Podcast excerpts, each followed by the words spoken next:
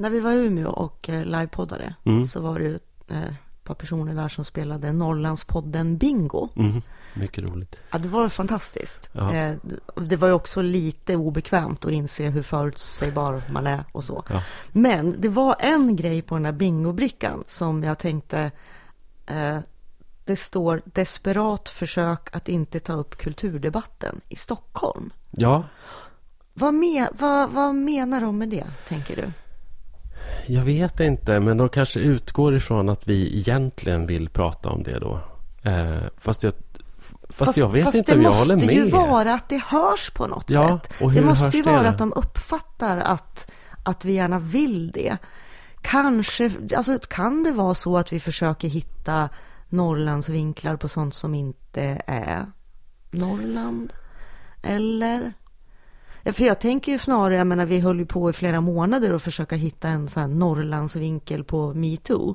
Mm. När vi inte gjorde det så pratade vi ju heller inte om det. Nej, så blir det ju på något sätt. Och samtidigt så är ju både du och jag också en del av någon slags nationell Ja, media. kulturdebatt. Ja. Så det är väl klart, det är väl klart att, att det kan... Jag, först, jag tror jag förstår, inte så att jag kan förstå just hur det har hörts i programmet. Men visst händer det att det finns saker som, gud, det här skulle man vilja prata Mm. om. Också för att, för att vissa frågor tänker jag skulle vara bra dynamik om just du och jag diskuterade dem. Mm. Men som har noll Norrlandskoppling. ja, men precis. Ehm, Det där har jag funderat på ibland om vi skulle liksom frångå, alltså nu har vi gjort Norrland i 50 avsnitt. ja. Vi kanske skulle bara börja göra en på Sofia-podden. Alltså på något sätt så är det väl också så här att i bästa fall så borde ju de här debatterna också angå Norrland Ja. och, och angå oss då. Eh, och angå den här podden och poddens lyssnare. Sen är det väl kanske inte alltid så. Jag vet inte, vad, vad har det varit? Vad, vad, finns det för kulturdebatter till exempel som, som hade kunnat... Vet inte om jag kommer på någon. Jag tycker vi ska fortsätta med Norrland. Ja, jag menar inte att vi ska Nej. sluta Nej, eh, prata om jag känner mig rätt trygg med det. Jag menar, det är ju också, det är också, det är också vår, hela vår legitimitet hänger ju på det. Det kanske mera handlar om eh, liksom den som har gjort bingobrickans frustration över att vi inte pratar om Stockholms kulturdebatter.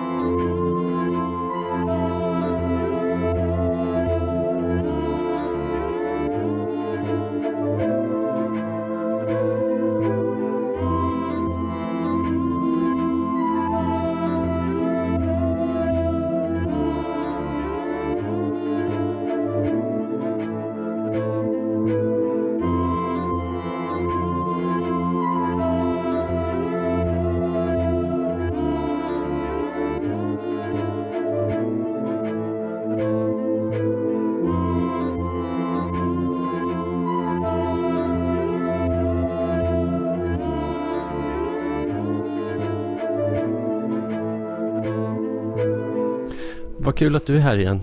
Ja, Mm. det är det. Och så snart. Ja, det är inte så länge sedan Nej, vi var i Umeå. Nej, precis. Så det är bra. Mm. Det, det, det är roligt att podda. Hålla lite tempo också. Ja, Vi, vi, vi är dåliga på det, så att jag tycker att våra, och våra lyssnare, särskilt efter att ha varit i Umeå och faktiskt Mm. mött dem och sett liksom den entusiasmen. Ja. Det var verkligen hög stämning och vi kände ju att här är våra fans. Mm. Eh, och då känns det också att de kanske förtjänar att få lite fler avsnitt. Precis.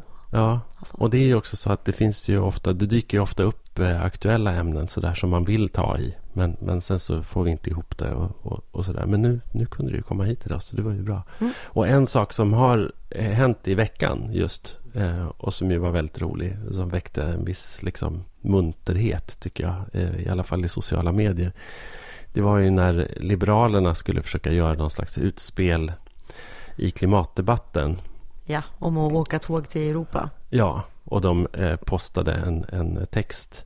Eh, där det, Det ska stod, vara lika lätt att boka tåg till Paris som till Piteå. Ja.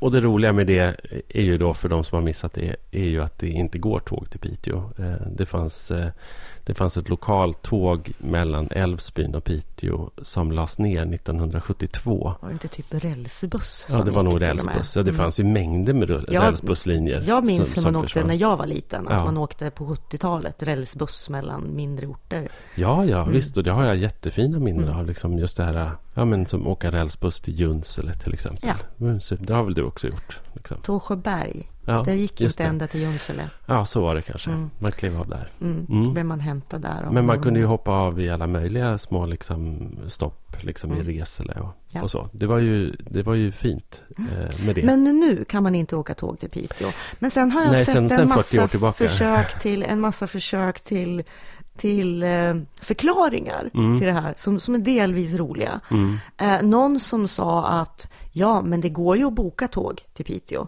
Alltså om du går in på sj.se så kan du boka en tåg, du bokar en biljett till Piteå. Alltså tåg plus biljett. Precis, och då mm. är liksom sista sträckan buss. Men det mm. går att boka och det är mycket enklare än att boka till Paris, var det någon som sa. Ja. Jag tänkte att med det här kanske de menar att Ja, det borde vara lika enkelt att boka tåg till Piteå. Alltså de kanske bara ja, har vänt på det. Fast det var ju inte så då. För att de, Nej, de men... pudlade och tog bort den där eh, efter några timmar eh, och bytte ut den mot en skylt där det istället stod att det skulle vara lika enkelt att boka biljett till Madrid som till Mjölby.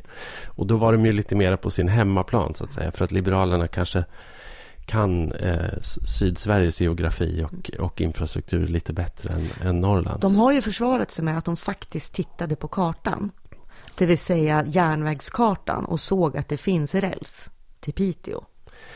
Fast de har också försvarat sig med att det var en snygg allitteration helt enkelt med Paris och Piteå. Absolut. Att, och jag tror ju mera mm. på det. Jag tror ju faktiskt inte dyft på, på den förklaringen, måste jag säga. Jag tror absolut det, inte alls Alltså på även om de har gjort det så är det ju inte tillräckligt. Nej. Du måste ju faktiskt testa och, och boka tåg och se mm. hur det ser ut i jo. bokningen. Och sen är ju liksom den, den, den stora underbara ironin i sammanhanget är ju att eh, eh, det hade kunnat finnas järnväg till Piteå idag eh, om man hade byggt Norrbotniabanan. Eh, Norrbotniabanan är ju en, en, det är ju en gammal och långdragen historia eh, och som har tröskats liksom av många regeringar. Och det var ju faktiskt så att eh, eh regeringen Persson i början av 00-talet eh, hade ju för ambition att bygga Norrbotniabanan. Man hade ju fattat beslut om Botniabanan, alltså förlängningen från Sundsvall till, eh, till Umeå. Eh, och den skulle byggas, den var i pipen. Eh, men man vill ju ha den här förlängningen hela vägen upp till Luleå längs kusten. Det är ju många som inte vet att Norrlandskusten saknar järnväg. Eh, särskilt i Sydsverige tror jag man inte känner till det helt enkelt. Nej, men så är det ju. Man kan åka, man kan åka till Umeå. Men sen tillträdde ju alliansregeringen då 2006. Ja. 2006 och då eh, så lades ju detta på is. Eh, jag tror att det fanns en... Hette hon Åsa Torstensson? Infrastrukturministern tror jag i första alliansregeringen. Centerpartist. Hon var nog pro Norrbotniabanan har jag ett minne av. Mm. Men eh, resten av regeringen och särskilt Anders Borg var ju eh, helhjärtat emot. Och Anders Borg eh, yttrade ju vid ett tillfälle när det där diskuteras den här meningen som jag har tagit upp i olika sammanhang också. Att någon Norrbotniabana blir det inte fråga om därför att eh, den har bara regional nytta. Eh, vilket ju då avslöjar hans perspektiv. Eh, därför att det är ju inte en typ av krav man anför på infrastrukturprojekt i södra Sverige till exempel. Ska de bygga det här höghastighetståget? Ja. höghastighetsbanorna. Det, det, är väl också bara regional nytta då i den regionen. Ja, eller, om, om, man, om man ser det så. Ja, visst. Eller, eller tunneln genom Hallandsåsen ja. eller eh, västsvenska paketet mm. eller, eller vad sjutton nu kan så, handla om. Sen ska det väl också sägas att den här Norrbotniabanan kostar ju väldigt lite eh, i jämförelse med det här höghastighetsprojektet. Ja, men kära någon. Eh, men det ska också sägas att nu finns det ju ett beslut om att bygga inte hela, men man ska alltså, bygga en, en bråkdel. Liten, ja. Alltså, det, Ja. det här är ju faktiskt eh, problematiskt. Därför det finns ett beslut om att man ska bygga, vad är det, halvvägs till Skellefteå eller något sånt där Mm. va? Från Umeå. Precis, Eh. och precis som att det finns beslut om att bygga dubbel, alltså det, det behövs ju också dubbelspår mellan Gävle och Sundsvall. Ja, Och där har man också fattat beslut om att bygga några mil, alltså Men- en liten sträcka. ja men det, problemet, är det här, problemet med det här som jag förstår det är också att det här är inte finansierat. Alltså de här grejerna ligger, man lägger ju väldigt långa infrastrukturplaner, infrastrukturplaner eh, och eh, de här grejerna ingår ju då förvisso i den här infrastrukturplanen som sträcker sig tror jag till 2029. Men de ligger i slutet och de är inte finansierade. Så det är liksom... Det är väldigt, det är väldigt lite och, alltså det är alldeles för lite och alldeles för sent för det här med tidsplanen tycker jag också är så fruktansvärt anmärkningsvärt. Ja. Eh, vad är det som tar så fruktansvärt lång tid? Alltså, och då menar jag inte, för jag förstår ju att man kan behöva planera infrastruktur och att det tar tid. Men när man nu mer eller mindre, alltså det finns ju en plan för en Norrbotniabana. Vi vet ju hur den sträckningen ska vara och ja, så. Varför ska det ta så lång tid eh, genomförandet? Eh, och särskilt nu när vi har varit i en ganska långvarig högkonjunktur så har det, har det ju varit läge, det har ju varit läge i flera år att låna pengar till infrastrukturprojekt. Det Hade man gjort Ja. det när vi började prata om det så hade ju Norrbotniabanan varit klar nu. Ja, verkligen. Och, och dessutom vill jag bara komma med en liten sån här invändning då mot att det här skulle bara ha regional nytta. Eftersom järnväg i Norrland har enorm eh, påverkan på industrin. Eh, Ja. Också, som alltså exportindustrin. Så det där, ja visst, absolut. Men det där, och det där är ju hela tiden en tolkningsfråga då. Därför att det är ju också så att, att det, det största, eh, liksom enskilt största infrastrukturprojektet de senaste 15 åren är ju det här som vi har pratat om. Det är ju den här då förstärkningen av vägen mellan Kaunisvaara och Svappavaara. Alltså, alltså den här vägen som krävdes för att man skulle kunna frakta ut malm från, Lastbilar. från, ja, från Nåtlandgruvan till, till omlastning till järnväg i Svappavaara. Eh, och den gick ju då regeringen Reinfeldt in och bekostade. Det var ju en kostnad på 1,2 miljarder. Därför att den betraktades ju då ha nationell nytta. För att det handlar ju då om att forsla ut naturresurser ur Sverige.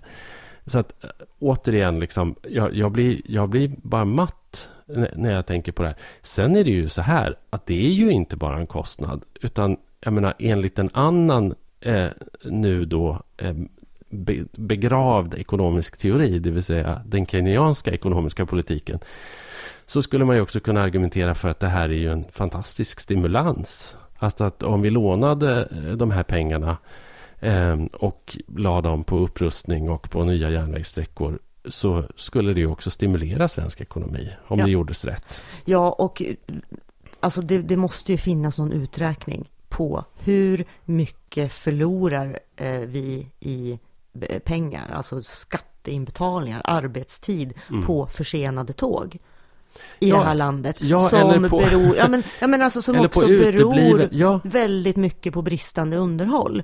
Det är ju, det är ju nästan, det är ju också en sån där sak som gör att man bara räknats på. Skrika, skrika högt, högt liksom. Hur kan järnvägsunderhållet, och det har varit så kass och det har varit så kass i så många år och det är så många som har påtalat det om och om igen och det börjar till och med bli alltså på nivån att, att det är farligt. Alltså att det är större risk för att tåg spårar ur och sådär. Och de sätter fortfarande av liksom en viss liten procent av, av stamnätet liksom rustas upp varje år. Och det är försvinnande s- lite. Ja, det är ju det. Alltså dels det. Och under tiden pågår det ytterligare förfall. Ja, så det är ju dels det. Men sen är det ju också, man, man, man borde ju också räkna på eh, alltså utebliven regional utveckling. I, jag menar, om man då tittar på den nordliga regionen då till exempel. Jag menar, det finns ju enorma vinster att kamma hem på att knyta ihop Umeå, Skellefteå, Piteå och Luleå och Haparanda. Ja. Alltså, och det är dessutom så då att EU har ju sagt i flera år att vi går in och betalar eh, liksom en, en fjärdedel av den här kostnaden om ni gör detta. Ehm, så att alltså allting, allting, precis allting med detta är idiotiskt. Och det mest frustrerande då med den här Liberalernas utspel, är, alltså för det första så eh, Sen är det alltså Liberalerna, det, jag, vill bara in med den här lilla grejen. Det är inte så konstigt att just Liberalerna är ett, nu är de i och för sig nästan obefintliga i hela Sverige, mm. men länge har varit obefintliga Finns i norra Sverige. Nej, och det är väldigt många, alltså eller väldigt få eh, kommuner eh, i Norrland där de faktiskt eh, ens finns i Ja, det är väl Bjurholm då. Så fick jag in det också. Men ja, jag, jag Ja men alltså, det där jag, jag, jag, tycker att det här är så konstigt. Jag tyckte det var roligt också. Jag föreläste på en, en facklig konferens här i, i vintras. Och eh, då pratade jag om det här med, liksom, jag visade en Sverigekarta och så pratade jag om, om den här snabbspår, snabbspåriga järnvägen då, som man, som man ju ändå vill bygga. Man ser det som ett sånt fantastiskt framtidsprojekt. Jag tror inte alls på det där. Jag tror att det är bara faktiskt ganska dumt. Eh, och så visade jag på liksom sträckningen. Och så var det en kvinna i publiken som bara sa Men gud, tänk jag har alltid trott på den här insäljningen att det här har regional nytta. Men nu ser jag ju att det här handlar ju bara om att knyta ihop tillväxtcentrum i Sverige. Och sen eh, var jag i England häromdagen och eh, eh, jag var i Sheffield och så åkte jag tåg Eh, till Manchester och på tåget så läste jag både eh, The Time och eh, Yorkshire Post. Och båda hade artiklar om den brittiska järnvägen som var ganska intressanta. För att de är så frustrerade. De, det är samma där. Alltså det, järnvägen har ju privatiserats eh, och den har liksom förfallit och de har ungefär samma problem. Och ungefär samma problem mellan nord och syd och med Londons dominans och centralisering av makt till, till, till London. Och där heter infrastrukturministern Grayling och eh, de är jättearga i norra England på att han har makt över det där. Men att eh, han inte liksom då skjuter till eller tillåter upprustning och utbyggnad av järnvägsnätet i norra England. Men där finns det också planer på en höghastighetsjärnväg som ska gå från London och norrut. Och då var det en tankesmedja eh, som hade räknat på det. Och det här är en uträkning som jag härmed liksom skulle vilja att någon, någon i Sverige gjorde. Men då hade man tittat på vilka är det egentligen som tjänar på den här eh, järnvägen. För det, återigen då, den här höghastighetsjärnvägen då med, som ska knyta ihop liksom, eh, London med Leeds och Liverpool och sånt där. Eh, den säljs ju återigen då in som att det här är liksom bra för regionerna. Men när man tittade, när den här tankesmedjan bröt ner det här, så såg man ju att till, till ungefär 50 procent så är det här bara till nytta för höginkomsttagare i London. För det är de som får närmare till de här orterna. Och det är de som har råd att åka. Så att det, det, är liksom så här, det här gynnar primärt Londons ekonomi. På samma sätt som snabbspårsjärnvägen i södra Sverige då från Stockholm till Malmö och Göteborg troligen kommer gynna Stockholms ekonomi mycket mer än Göteborgs och Malmös. Så att, så att det, det där kan också på något sätt vara... Jag, tycker, jag tycker det var ett elegant sätt mm. att räkna på. Intressant. Ja. Ska vi släppa järnvägen? Ja, men kan vi inte bara säga någonting mer taskigt om Liberalerna? Nej, nej, nej, nej, okay. nej, nej. nej. De är redan, det är dumt att sparka på de som redan ligger tycker jag. Ja, okej okay då. Ja. Mm. Ehm, det hände ju en annan grej som, mm. som då faktiskt eh, eh, uppmärksammades när vi, när vi befann oss i Umeå. Mm. Eh, men inte i tillräckligt god tid innan vi poddade. Nej. Men det är ju då den här eh, Sverigedemokraten i Kramfors, ja. Mark Collins. Ja, invandrad amerikan va?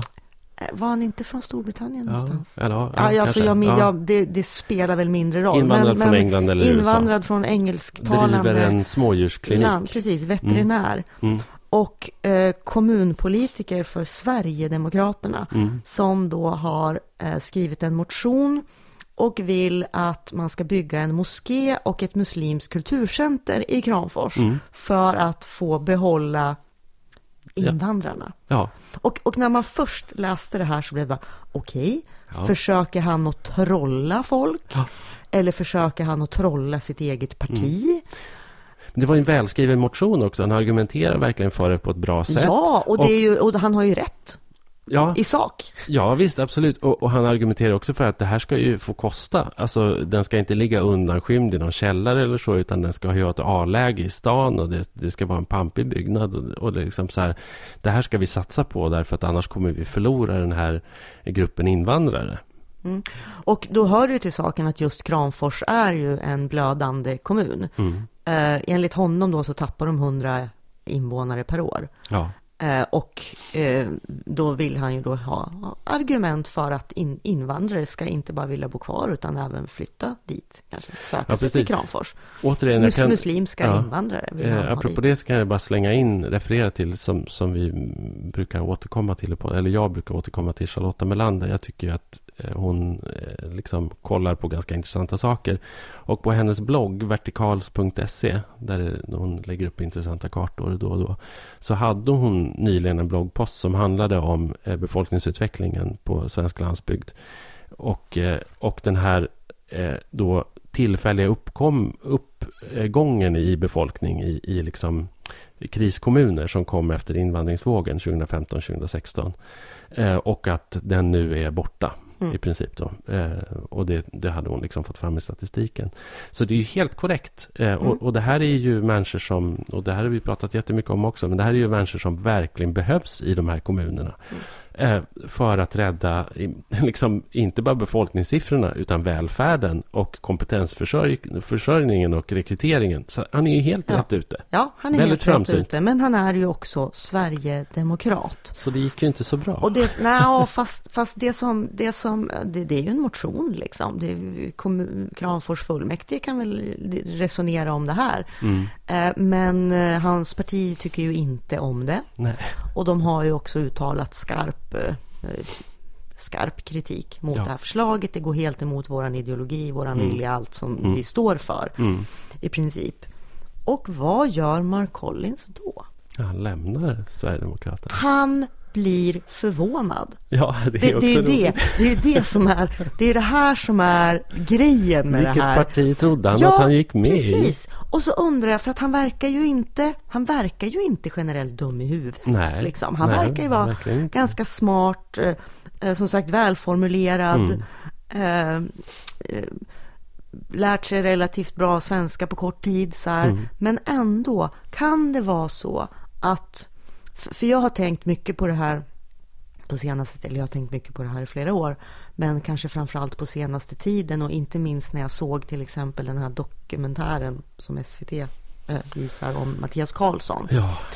Att det är så att han, eh, det enda han visste, Alltså han kommer till Kramfors, han är invandrad, han blir liksom eh, välkomnad av någon som säger ska du inte engagera dig i politiken? Mm. Och så har han bara det här det här ytliga, det vill mm. säga det här budskapet som Sverigedemokraterna vill presentera. Och som och media på något de... sätt också har... Jo, eh, absolut. Det narrativet som media också har på något sätt gått med på. Absolut, men, men, men framför allt då det här upprepandet, vi är inte rasister. Mm. Och särskilt inför valrörelsen 2018 så eh, var ju de eh, alltså de inringade målgrupperna som Sverigedemokraterna hade som mål att nå i högre utsträckning var kvinnor och invandrare. Mm. Och eh, så, som sagt i den här dokumentären får man då höra Mattias Karlsson säga ja, de här, den här nidbilden och de här lögnerna om oss att vi skulle vara rasister. Vi tycker att det här är jätteviktiga frågor. Ja, men mm. så här, vi bryr oss så himla mycket mm. om alla i förorten och så. Och om han helt enkelt har hört den tillrättalagda bilden eh, och tänker det här blir bra och inte tagit reda på mer eftersom han verkar på riktigt så förvånad och säger jag och så säger han också, jag har varit naiv. Jag trodde att Sverigedemokraterna hade lämnat den där skiten. Mm. Och det tyder ju ändå på att han någonstans har han ju vetat att det fanns att en sån fanns historia. En skit, ja, mm. precis. Mm. Så det, är, det är fortfarande ett mysterium. Men, men i slutändan så, så blev det ju en trollning. Och kanske så här, den snyggaste, eh, liksom bästa trollningen av, av Sverigedemokraterna ever på något sätt. Inifrån. Ja. Och, och där de ju verkligen liksom fick...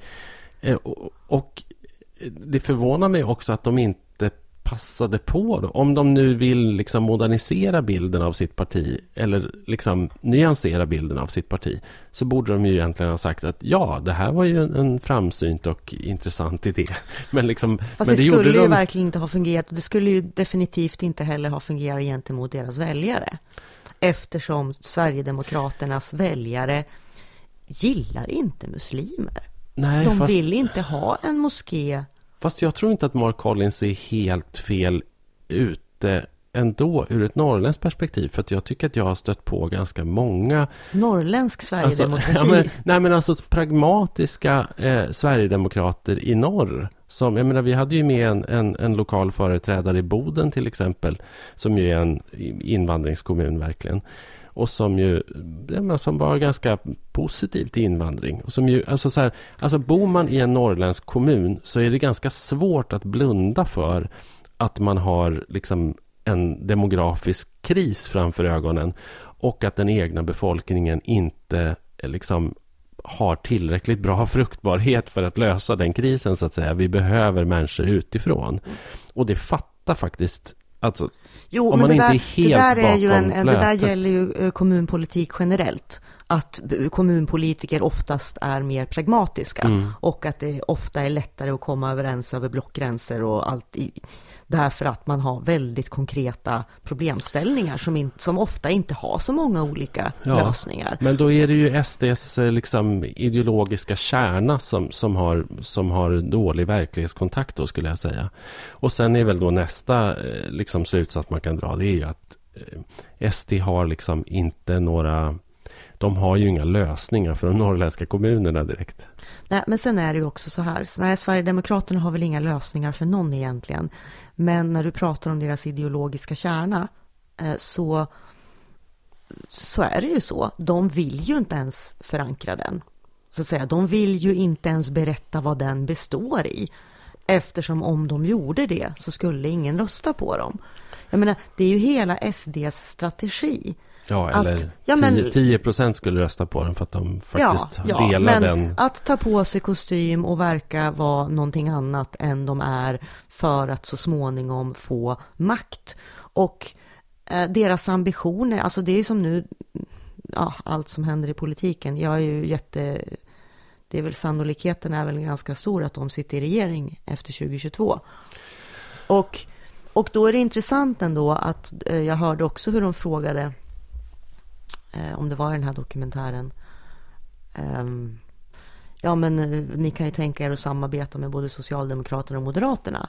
Ja, så länge vi inte har majoritet, egen majoritet så måste vi ju. Men målet som Sverigedemokraterna har är ju att få 50 procent. Mm. Och de inser att det kan de inte få om de avslöjar eh, sin kärna. Mm. De kan inte blotta den. Nej. Men, Ja, nu, men, nu, men det är men nu gjorde, intressant men med nu gjorde de det. Ja, jo, Alltså det, Fast det, att de inte gillar muslimer och mångkultur så, alltså det, det är ju inte en hemlighet. Det finns ju andra saker i deras kärna som är... Ja, men det bevisar ju ändå på något sätt att ideologi är betydligt mycket starkare än pragmatiska lösningar. Och det här var ju en väldigt liksom, vettig pragmatisk lösning på ett konkret problem. Det finns en Mm. muslimsk befolkning. Den är värdefull för kommunen.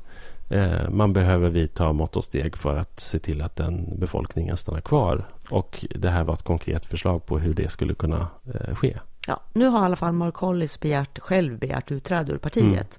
Jag vet däremot inte, sitter han kvar i fullmäktige? Blir, har han blivit en politisk vilde? Eller? Jag tror att han skulle vara kvar. Va? Mm. Ja, jag, jag tror det. Han kanske får går vi över till se ett annat hur det parti. går med den här Ja. Ja. mosképlanen. Ja, precis. Ja, det, ja det, det, det blir ju också intressant att se hur, hur den här motionen eh, tas emot när den väl behandlas i, i Kramfors kommunfullmäktige. Mm. Hur de andra partierna ställer sig till det. Om de är, Tycker att det är en lika bra idé. ja, det kanske de inte alls tycker. Det vet vi inte. Vi får väl återkomma till det. Då, liksom. Vi- Vi har inte tjatat om Patreon förresten på, på sista tiden. Va? Nej, vi har inte gjort det. Nej. Jag vet inte, vi har liksom inte känt att det har varit väsentligt. Men vi kan ändå säga det. Ja. Att om man gillar oss och vill eh, supporta Mm. s- Ja. Så det, vi blir inte rika på det här. Vi gör ju det här på kul. Ja, Men vi har ju en del kostnader. ja. Så det täcker sådär, så det är typ bra. kostnader. Eh, och vill man då bidra så kan man gå in på patreon.com slash Norrlandspodden. Mm. Och instruktioner följer där. Mm. Det här är ju intressant förresten med, med eh, Patreon. Eh, jag har noterat att det är det här är verkligen ett stickspår. Men jag har noterat att det är liksom upp och nervända världen mellan USA och Sverige. Alltså i, i Sverige så får ju Navid Modiri eh, liksom enorma summor pengar via, via Patreon och Swish. När han bjuder in olika högerextrema till sin samtalsaktivistpodd. Mm. Eh, och de pengarna kommer ju då från ja, en grupp mediekonsumenter i Sverige som känner att deras verklighetsbeskrivning inte, inte gör sig gällande i, i liksom de etablerade medierna. Samma personer som swishar till Joakim Lamotte och Katarina Janouch. Och Ann Heberlein Mm. går ut och säger att nu ska jag skriva en bok och så får hon Mm. en miljon på Swish liksom på ett dygn. Sådär. Mm. Eh, Så det finns ju en enorm betalningsvilja och som inte alls finns när det gäller liksom, ja, neutrala eller vänsterorienterade poddar. Så, så drar ju inte in till närmelsevis liksom, de summorna. Det, är ju, det, det handlar ju om en bråkdel av de summorna.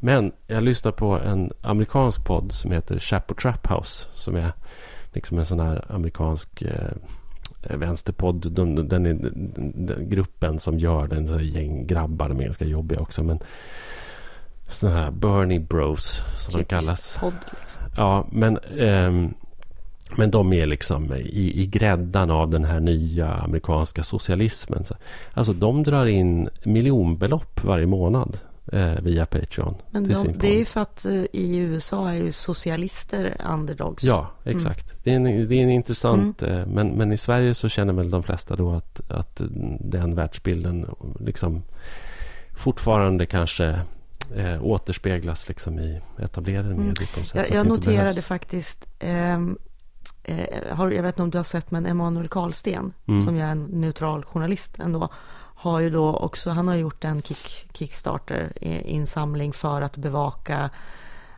det här Ja, upphovsrättslagarna i EU. Ja. i, EU. Mm. För att han tycker att det är underbevakat och han har liksom känt att han är den enda som gör det och Mm. ville bekosta det och han är ju frilans sådär. Mm. Och den gick ju väldigt bra. Han Ja. fick ju in det han begärde på bara några timmar och sen fortsatte det att ticka in pengar så att han har liksom kunnat bygga ut det här projektet och Mm. göra mer än vad han hade tänkt från början. Men det jag ser, det, det är lite samma sak, därför att just de här så att säga, upphovsrättsfrågorna, internet, eh, det är ju en sån här piratpartifråga. Ja. Och jag såg ju att eh, alla piratpartister i mitt flöde eh, delade ju, puffade för det här, Mm. Så det är också an- betalade. och det finns ju också en del kopplingar, ska sägas, också mellan just piratpartirörelsen Mm. och en annan eh, troll, underdog-kultur liksom. Så.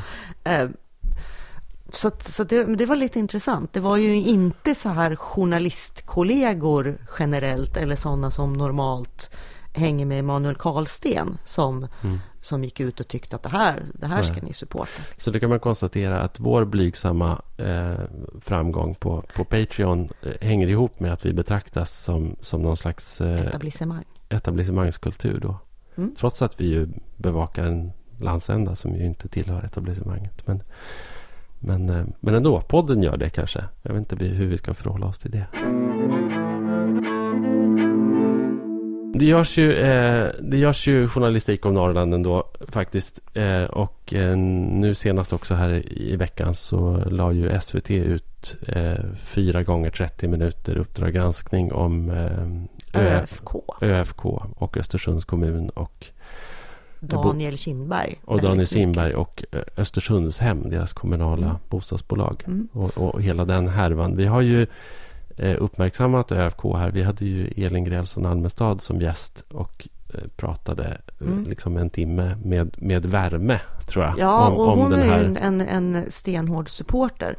Jag har för mig, var det inte så att vi hade henne som gäst? Hon fick eh, prata om sin kärlek till Mm. ÖFK och, och betydelsen för, en, Ja. för Jämtland och Östersund eh, Mm. av det här laget och sådär. Och bara ett par veckor Mm. efter det så briserade ändå den här nyheten om att Kinberg då eh, Ja. var misstänkt för Ja, ekonomisk brottslighet. efter. Det var Mm. alldeles strax efter det. Eh, så, och den har vi ju inte nämnt alls. Nej, det har vi jag. inte gjort. Och det är ju också i, i någon mån två saker. Eh, men man ska ju verkligen inte lasta de, de jämtar som har liksom dragits med i ÖFKs liksom fotbollsframgångar för, för de här... Absolut inte. Jag tycker det var ganska fint med det här eh, Uppdrag granskning Mm. också. Att de ju i första delen så lades det ändå väldigt mycket fokus på, ja, men på laget, varför laget har blivit så älskat. Ja. Eh, och hur, hur, vad det har betytt för Östersundarna. Varför det då också blir en sån, eller upplevs som ett sånt otroligt svek. Eh, när då? det visar Ja. sig då att det här har varit att de har klarat det här ekonomiskt tack vare massa fiffel och båg. Ja, och varför det också har riktats så mycket liksom, hat mot en eh, duktiga grävreporter på ÖP som har, som har liksom, eh, fått fram allt det här. Det tycker jag också var en väldigt speciell grej som det är sällan man ser, Mm. nämligen det här samarbetet mellan Uppdrag granskning och ÖP Ja, i det här fallet. Att man creddade dem så mycket. Precis, och inte bara credda mycket utan, utan hon fick ju, Linda Hedenjung då som Mm. reportern heter, eh, fick ju nästan en huvudroll i Mm. hela den här serien. Mm. Ja, det. Där hon fick berätta hur hon har grävt, hur hon inte lyckas nå hela vägen och hur de sedan också har samarbetat om resultatet som UG kom fram till så att ÖP har kunnat publicera artiklar Ja, eh, när det här det är publicerades. vettigt för UG. Och jag tycker det är liksom ovanligt eh, och bra tror jag. Att jag det tycker jag och. UG brukar faktiskt också eh, få kritik för att man kommer eh, i efterhand och liksom berättar en historia som redan har berättats av en lokal tidning. Mm. Eh, Jag minns till exempel när UG gjorde det här programmet om nedläggningen av Sollefteå BB. ja, Gjorde de. mm. Och det framkom ju Det var ju en ingenting. vinkel det framkom ingenting nytt. Det var verkligen, ja det var, det, det var märkligt. ja. Ehm, det var det. Och dessutom så, så fattades det ganska väsentliga de, delar Mm, ja, i, i det programmet. Men ändå, det, Ja, det, men det det är vanligare att, att de får den kritiken. Och de schysst. kanske har tagit till sig av den. Ja, det var schysst. Och eh, bara jättekort sammanfattning eh, för de som har inte hängt med. Men, men vi kan ju rekommendera att titta på UG-programmen. De är ju, det är ju bra. De är Eh, också välgjorda. väl- de känns välgjorda, lite fina. så här Ja, deckare, lite ja. spännande Ja, det är lite true upplägg. Ja, crime-aktigt precis. så. Också formatet. Lite om tugg tycker jag det blir mot slutet. Men, men det, det må vara hänt liksom. ändå Jag- korta avsnitt. Ja. Men, men, men det som har hänt är ju att Daniel Kindberg då, eh, för detta militär, han eh, jobbade först på Peab och sen på ett dotterbolag till Peab som ett, eh, liksom ett byggbolag som är aktivt i, i Östersund. Eh, och han eh, Och sen blev... på ko- kommunala bostadsbolaget Ja, precis. Östersundshem. Och Och, i han var ordförande för Precis. ÖFK. Och sen så har han då liksom eh, utnyttjat de här olika stolarna då för att liksom skapa ett flöde av, av pengar via, via luftfakturor för att få in stora summor pengar till ÖFK som han har eh, liksom som eh, då klubben har varit beroende av. Dels för att få elitlicens men också antagligen kunna köpa spelare och kunna göra satsningar och sådana saker. Det här, det här är ju inte det enda fallet. Det finns ju ett, ett mycket mindre känt fall eh, här i Hälsingland. Eh, Med en eh, man i... Och det, och återigen, det är liksom, som att det upprepar sig. För att jag skrev ett långt liksom, hyllande reportage om Edsbyns bandy. Eh, EIF eh, för DN för det enda jag skrivit för DN-sporten någonsin. Den är, eh, texten är med i, i boken Norrland också. Och, och det är inget jag skäms för, för det jobbet. Eh, men där, och där var det ju så att, att Edsbyn då, den här lilla orten, de byggde en av de första bandyhallarna i Sverige som liksom, och, och de satsade stenhårt. Och de gick upp i toppen och de vann SM i bandy fem år i rad. De gick till final sex år i rad, men de vann fem år i rad. Eh, och det var ju en otrolig bedrift och, och liksom de hade hela byn med sig. Och, och den starka mannen bakom det här eh, var då eh, en man som heter Ulf Järvefelt. En, en avflyttad son till, till liksom ägaren till Edsbyverken. Eh, som hade flyttat till Stockholm och blivit fondmäklare. Eh, och som liksom dök upp igen och började engagera sig i bandyn. Det läkte någon slags sår hos honom att han fick komma tillbaka och liksom bli någon. Och han eh, sponsrade eh, Edsbyns bandy med miljonbelopp. Jag tror att det i slutändan eh, blev nästan 20 miljoner kronor som han pumpade in i den här klubben. Och som ju då användes just för spelarköp och liksom satsningar. Och som, som, gjorde, som möjliggjorde den här segern. Liksom. Eh, och sen så visade det sig att de här pengarna hade ju han plockat ut ur familjeföretag eh, svart. och han dömdes ju för det. Han dömdes till fängelse för det. Mm. Han förnekar, ska jag säga, fortfarande att han har gjort fel. Men han dömdes för det. Mm. Och har avtjänat sitt straff också. Eh, men, men, men det här är liksom den här alltså, mäktiga mäns kärlek till sporten och vad de är beredda att göra för, eh, för ett lag. Och, och här tänker liksom. jag också på den här psykologin i Östersund. Eh, för det är nästan den som är intressant. För det här med, med folk som gör bokföringsbrott eller skickar luftfakturor. Vi skulle kunna älta detaljerna i det, men det är ju inte mm. intressant. Utan det intressanta här är ju, förutom att, att det faktiskt har gått uh, till så, det är ju det här som du säger, uh, hatet mot Linda Hedenjung, mm. den här reporten som ja. har skrivit upprepade artiklar där hon har liksom ifrågasatt, granskat och, och som dessutom har orsakat alltså problem även för så säga, sportredaktionen på ÖP när de ska bevaka det här laget. Eh, mm. För att gilla, de gillar inte tidningen. Och Linda blir hatad och hela tidningen blir hatad mm. i Östersund. Mm. Eh, när det egentligen borde vara så att man tackar tidningen ja. för att de eh, faktiskt gör en riktig granskning mm. av någonting. Men, eh, och, och det, det, framgår ganska tydligt också i den här dokumentären att eh, även när det här liksom ligger på bordet när Uppdrag granskning kommer och liksom lägger fram bevis mer eller mindre för mm. luftfakturer och sådär.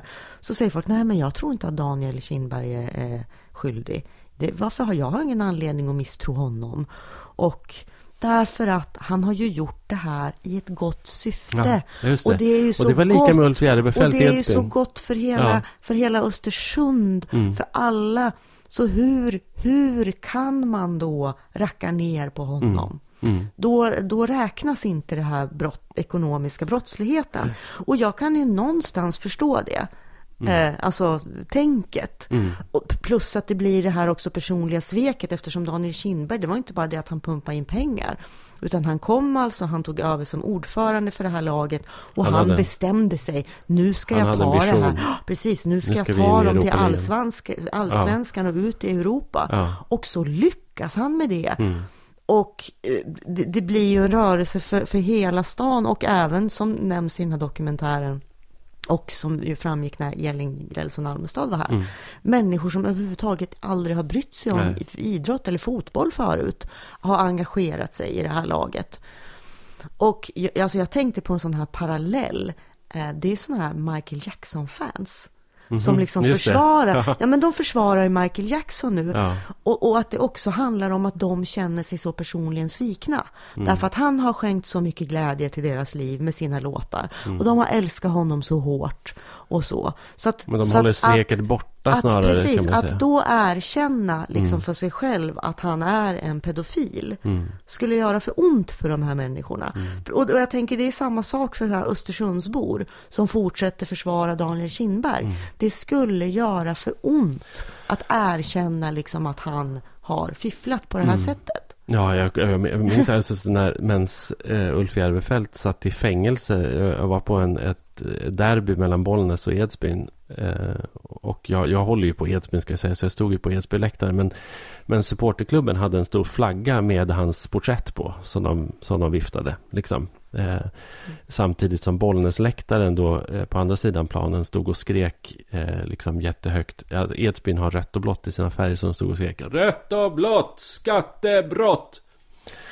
Det var, ju, det var ju lite roligt. Men, mm. men, eh, men så, så att... Eh, men det, det är också jag tror inte intressant. att det här... Jag, grejen är så här, jag tror att det finns ganska många sådana här historier som inte är avtäckta och antagligen i, i mycket för mindre... Ingen, och ingen vill att de ska det, även de, alltså de som känner till det, för att det är för en bra sak. Ja. Och, och det tänkte jag också på det här med Kinberg, hur han har blivit så idoliserad eh, alltså han är ändå en, en, en klubbordförande. Mm. Hur ofta får en klubbordförande så mycket kärlek och hyllningar Mm. och folk står på läktaren och ropar klubbordförandens namn. Ja. För att de ser det här verkligen som hans verk. Mm.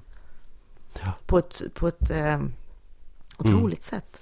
Men pa- parallellerna i, i, i de här två fallen tycker jag också är intressanta. Därför att i inget av fallen verkar det som att vare sig Daniel Kindberg eller Ulf Järrefelt har berikat sig själv. Nej, Alltså trots att den möjligheten när man ändå håller på med sån här shady business och luftfakturor och pengar och liksom eh, attesträtt och liksom sådana saker. Det skulle vara ganska lätt eh, antagligen när man ändå håller på att, att också smyga ner lite pengar i egen ficka. Men, men det verkar inte någon av dem ha gjort och det verkar heller inte hell- vara motivet. Utan, nej. utan, men, men däremot så tror jag att det finns ett annat motiv som är liksom privat och det är nog att, att få vara vara med i gänget och få vara Sola älskad och få sola sig. Ja, precis. Mm. Och eh, liksom, jag tror att eh, i det här fallet så...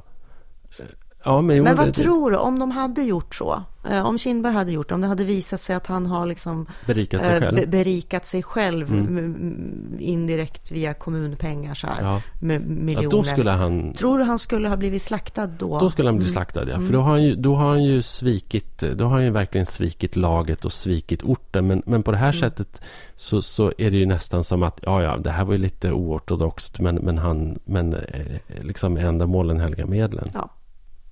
Så att jag vet inte. Ty- tycker du att de gör det? Nej, det tycker jag inte.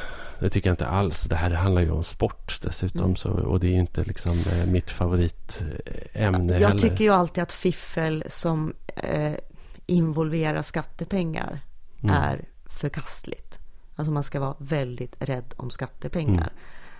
Mm. Eh, dessutom så har ju, alltså, Ja, det här var ju för sig... Alltså, ja, ja, Ja men alltså via Östersundshem, alltså Ja, det är ju precis. ändå att, att, att, Öst- att ett kommunalt bolag har betalat för Jo, markarbeten och sånt som Absolut. inte har gjorts. Nej. För att han, ja, så att det är ju, det, det är ju ett, en ingrediens här Mm. av fiffel med Jag skattepengar. menar, sen var det ju dessutom, det här hänger ju också ihop med Östersundshem. Alltså under Kindbergs ledning så gjorde ju då Östersundshem ett stort inköp eh, av mark som tidigare hade tillhört militären men sen, sen hade hamnat eh, hos Peab.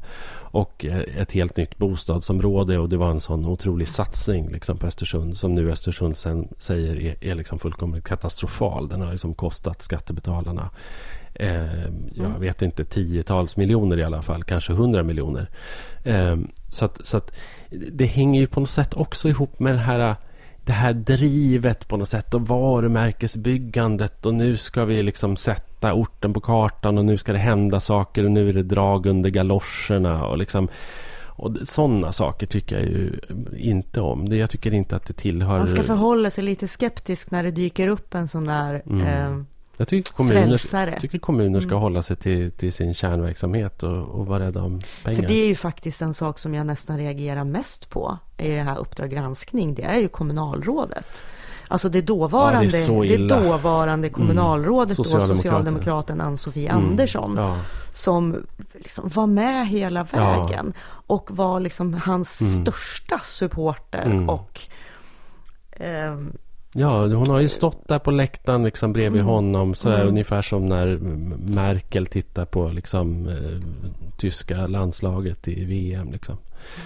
Nej, det, det är så osnyggt och osunt eh, faktiskt. får man ändå credda Bosse Svensson som så här, genomgående bara Ja, han verkar ha förhållit Eh, sig Han är rätt alltså sval. nu, nuvarande kommunalrådet, eh, centerpartisten eh, Bosse Svensson, som, eh, som ju fördömer det här eh, Mm. på, på, på alla sätt och Mm. eh, utan undantag vill verkligen att det här ska redas ut nu. Alla kort ska upp på bordet Mm. och så här får det inte Ja, gå vi får till. se. Det ska ju, rättegången ska ju börja i april. Då. Så, Mm. att, så att då, får man väl lite mer rätt sida Mm. på det. Du var ju i Sheffield, du nämnde ju det i förra avsnittet att du Mm. skulle dit. Ja, Ja, så att hur var det då? Jo men alltså det var toppen. Alltså det är ju en ett fantastiskt spännande stad som, som ju verkligen, alltså och, och så läsbar på något sätt. En stad som har liksom gått från bondsamhälle till industristad och sen till liksom postindustriell kollaps och liksom arbetarklassens kollaps och den sociala sammanhållningens kollaps och sen in i någon slags här eh, postindustriell kunskapsekonomisk era liksom med ett universitet som nu lever ganska stort på på kinesiska turister till exempel. Eh, och, och, och liksom en slags försök till liksom rebranding av staden och gentrifiering av staden. Och, så, så att, och i centrum i staden så finns ett stort bostadsområde som byggdes i slutet av 50-talet som heter Park Hill. Eh, och som är ett så brutalistiskt, eh, liksom, jag menar i Sverige skulle man kalla det miljonprogramsbygge, men det här är mycket äldre än så. Men det är så här inspirerat av Le Corbusier och ganska liksom arkitektoniskt intressant. Är det då snyggare då än ett eh, miljonprogram i, i Inte Sverige? jättemycket snyggare, men, men det har inbyggda lösningar och idéer som, som, liksom, eh, som, är, som är snygga eh, och, och väl genomtänkta. Så det var ju liksom på något sätt framtidens byggande eh, när det där invigdes då 1960. Och sen bara 25 år senare så hade ju liksom hela Sheffields stålindustri kollapsat. Eh, Thatcher kom och skulle liksom krossa fackförbunden och slog sönder gemenskapen mellan arbetarna. Och de där eh, kvarteren var illa underhållna och förföll och det var liksom självmord och mord. Sånt och man har sett liksom, lite filmer alltså, om Ja men verkligen Ja. hela den. Deppiga... Ja. Och sen stod det i princip för fäfot och sen eh, tror jag 2007 så skänkte staden Eh, eller överlät staden utan kostnad hela det där kvarteret till ett eh, sådär Urban Renewal-företag som heter Urban Splash. Eh, ganska lökigt och som nu då håller på att renovera det där och säljer bostadsrätter som börjar på en miljon ungefär. Eller 100 000 pund, mer än en miljon. Eh, så att det är så här supergentrifiering. Och alla de där som bodde där har ju liksom trängts ut då till förmån för liksom Young Urban Professionals och det är kontor och så, så är det någon restaurang där man kan glida in och käka en hummusstallrik och samtidigt som man tittar på en, en fotoutställning på väggarna som, som liksom är så här porträtt, socialrealistiska porträtt från 80-talet på de människor som levde i slummen. Man, man sitter där. Men grejen är att nu har det då gjorts en musikal om det här bostadsområdet som heter Standing at the Sky's Edge och det var den jag var i Sheffield för att titta på. Var den Eh, bra? Den var jättebra och det är musik av Richard Hawley som en gång var med i Pulp och som gör jättefina skivor. Mm. Så det var, det var en fantastiskt eh, liksom välgjord och fin föreställning. Men då satt jag och tänkte också på så här eh, att det här skulle man ju kunna, liksom just det här att ta en lokal berättelse, eh, kanske om liksom en stadsdel eller ett bostadsområde, sätta ihop det med eh, en artists eh, liksom katalog och skapa en musikal av det. Det skulle man ju verkligen kunna göra på eh, rätt många ställen i Sverige också, Mm. Mm. tänker jag. Ja, jag, jag tänkte lite på det där. Eh, Och så tänkte jag eh, faktiskt utgångspunkt från, från sånt som redan finns. Till Mm. exempel teaterpjäser eller filmer. Ett tag tänkte jag på så här Dunderklumpen. Ska man kunna, alltså där finns det ju redan lite musik. Mm. Nej, men liksom om man skulle Men den bygga har ut nog gjorts som som musikal. Nej, fast, fast musikal. Ja, nu, ja. Alltså, det är Mm, skillnad mm, på teater och musikal. Eh, en liksom fin, fin musikal om Jämtland. Mm. Sådär, Mm. tänkte jag. Eh, sen tänkte jag även då på Vildhussen. Eh, som, ju en, som har spelats som Mm. pjäs i Döda fallet i Bispgården. Är ju jättemånga somrar med. Mm. Eh, det har varit lite olika, men, men mest har det varit Sven Wollter, tror jag, i huvudrollen som, Mm. som Vildhussen. Men jag tänkte att den skulle man också kunna göra musikal av med typ så här, kanske Tommy Körberg. Skulle Mm. kunna vara en bra vildhusse. Eh, Jag har ju inte spånat så mycket då kanske på vem som skulle skriva musiken här. Men eftersom jag då ändå bor i Sundsvall och tänker Mm. lite industristad och så här. Här Ja. finns det ju också Ja, alltså, jag säga- historia. Här finns Sundsvall bra är ju historier. Sveriges Sheffield. Och då har, ju, eh, då har ju jag då, känner du till Bricken på Svartvik? Nej. Eh, Det är alltså en serie romaner som är skrivna av Vibeke Olsson. Ja. Eh, som handlar om Bricken som då är en tjej som föds i Sundsvall eh, i slutet på 1800-talet. ja, det är strejk. Som, och så får man, eh, ja. precis, eller den börjar, första romanen börjar i samband med Sundsvallstrejken, Mm. som ju är en av Sveriges störst, första stora riktiga Mm. strejker. Den har det också gjorts teater på, Mm. Sundsvallstrejken, många år, sommarteater så här. De senaste åren har det gjorts pjäs på Bricken på Svartvik. Mm.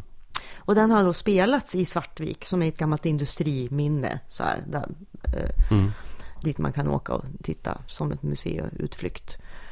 Ehm, Och den, den skildrar ju då, det, det som är intressant med den är ju just att Bricken, att det är liksom en tonårstjej som har den bärande huvudrollen i då en, eh, en pjäs som handlar om sågverkssamhället och skogsindustrin. Och så får man följa det genom från att hon är ganska liten, du kommer in i puberteten, blir vuxen, börjar jobba så. Eh, i, I de här romanerna då. Och så har man gjort en pjäs av det. Och om man skulle göra musikal av det så är det så här att en, en tjej då som har spelat huvudrollen i den här pjäsen hon heter Saga Nordén Hagberg. Förutom att hon då, och det är alltså kvartersteatern, det är amatörteater som har gjort det här. Förutom att hon då, hon fick väldigt mycket bra recensioner, alltså fan, jätteduktig skådis och sådär, så kan hon sjunga. Mm. Alltså hon är riktigt bra på att sjunga. Hon vill bli jazzsångerska och så här, hon går på en musikskola och så. Men hon skulle kunna bli så här Sundsvalls nästa Helen Sjöholm i då den här musikalen. Kanske du ska Bricken skriva manus till den då? Fast måste man inte vara lite musikalisk för att skriva musikalmanus? Åh, kanske, men... Du kan inte skriva låttexter utan att kunna Ja, skriva melodier. Det är väl ofta olika personer som gör det. hon tror har, jag. hon, hon, eh, jag tror att hon har ett ganska bra gäng omkring sig också som skulle kunna bidra med musik och arrangemang Mm. och, och sådär. Eh, Det, det, det är min idé. Förutom det så är de här böckerna, eh, Ja. det är alltså en serie böcker om Bricken på Svartvik Mm. eh, av Vibeke Olsson, kan jag ju tipsa om. Bra arbetarlitteratur. Mm. När skrevs de? Eh, De är ganska nya. Ja. Eh, d- Jag tror den första kom, de är skrivna på, på 00-talet. Jaha, ja. okej. Ja. Ovanligt. Mm. Jag tänkte på, alltså så- det finns ju så här, i södra Sverige så finns det ju så självklara eh, kandidater. Alltså det går ju jättebra att göra liksom eh, eh, en musikal med liksom Håkan Hellströms musik om Göteborg. Och, eh, Hagnesta Hill. Eh, musikalen, det, det, det förvånar mig att man inte har gjort en musikal i Es- Kent-musikalen. ja, Kent-musikalen i Eskilstuna. Mm. Det är ju faktiskt rent ut sagt eh, underligt. Alltså jag skulle... Förutom att jag får så otroligt svårt att tänka Kent-musik i musikalsammanhang. Det Ja. finns ju ingen, alltså jag förstår, jag kan förstå Palp, jag förstår verkligen Håkan Hellström, men Kent som musikal, Ja, blir inte det en, inte en det. otrolig eh, Ja, kulturkrock? Alltså jag är ju inte intresserad. Jag är inte så intresserad av Kent överhuvudtaget. Ja, jag tänker älskar ju Kent. det- Ja, verkligen. Jaha, Ja, ja. mm, ja. Men eh, vad som, vad som eh, liksom känns som, som en, en direkt självklarhet och som, och som jag liksom om inte om, ja, om, om de inte tar upp det nu när vi pratar om det i podden så kommer jag själv liksom ringa upp dem och föreslå det. Det är ju att Norrbottensteatern borde ju eh, genast börja projektera för musikalen om eh, Tunastigen, eh, bostadsområdet Tuna i, i Luleå. Eh, som ju dessutom då Mattias Alkberg har gjort liksom en typ en temaplatta om som heter Tunaskolan. Eh, och eh, jag menar Matti, eh, jag menar få städer i Sverige har ju en så liksom stark, liksom, så, så, verkligen så här stadens trubadur eller liksom eh, berättare som, som, som Matti Alkberg. Liksom. Så det finns ju fantastiskt, jag menar jag, jag jag kan bara på rak arm komma på liksom 10-15 låtar som skulle vara med i den musikalen. Och där Tunaskolan ju också på något sätt har faktiskt också en, en liknande historia som, som, eh, som Park Hill i, i Sheffield. Liksom. Mm. Och det skulle kunna bli så snyggt. Det skulle ju vara ett, ett fint sätt också, tänker jag, för Matti att nå liksom en bredare publik.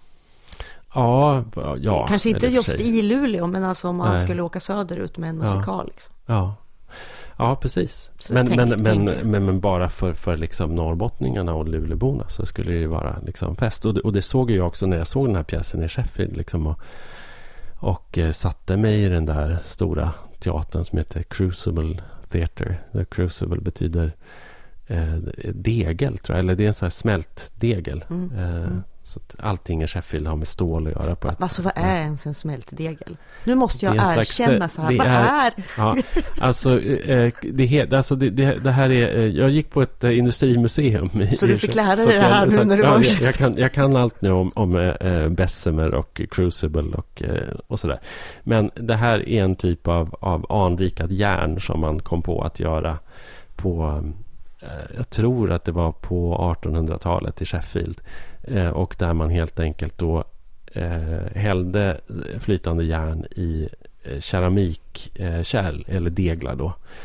Och som man sen hettade upp under ganska lång tid. Sen man i princip kokade ur föroreningar och material ur järnet. Och då fick man ett, ett mycket renare och bättre järn. Eh, och det möjliggjorde då att man liksom kunde börja göra verktyg och bestick och sådana saker som Sheffield var väldigt stora på. Men hur som helst, när jag satt i den där lokalen och tittade mig runt innan liksom ljuset släcktes och, och, och, och musikalen började. Så såg jag ju att det var verkligen ett tvärsnitt av, av liksom stadens befolkning. Och att det här var verkligen någonting som engagerade alla och som liksom... Ja men att, att de hade så mycket att terapera. Liksom. Att det, det, det är så mycket känslor och liksom så mycket ambivalens kring historien och den där platsen och det där bostadsområdet och, och så som, som man kan ta i. Eh, och det finns ju i en massa eh, liksom svenska städer och eh, liksom landsdelar också. Eh, och som, kan, som man kanske inte får spegla sig i.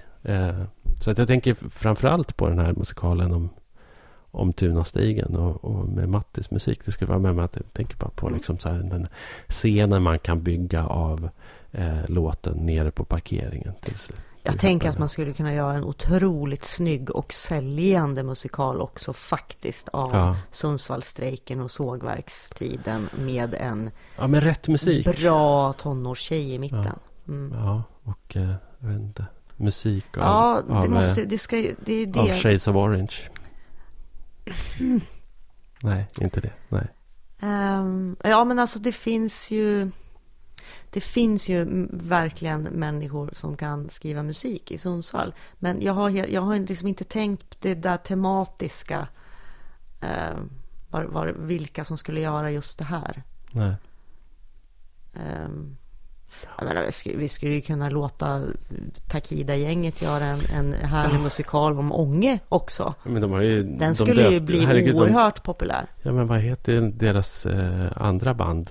Eh, Stiftelsen. Ja, deras eh, första skiva hette ju Ja, för guds precis. Ljungaverk, va? Ja, men precis. Och där har du ju, där har du ju Fast den musikal. handlade ju kanske inte Nej, men den, de skulle ju kunna göra en. Mm, musikal Mm. om Ånge. ja, och Hockey Eriksson kan göra t-shirts. Fint. Ja, det är bara att jobba på. Nedstämd på uppåtjack Helt väck på ett sexpack Panikångestattack Nere på parkeringen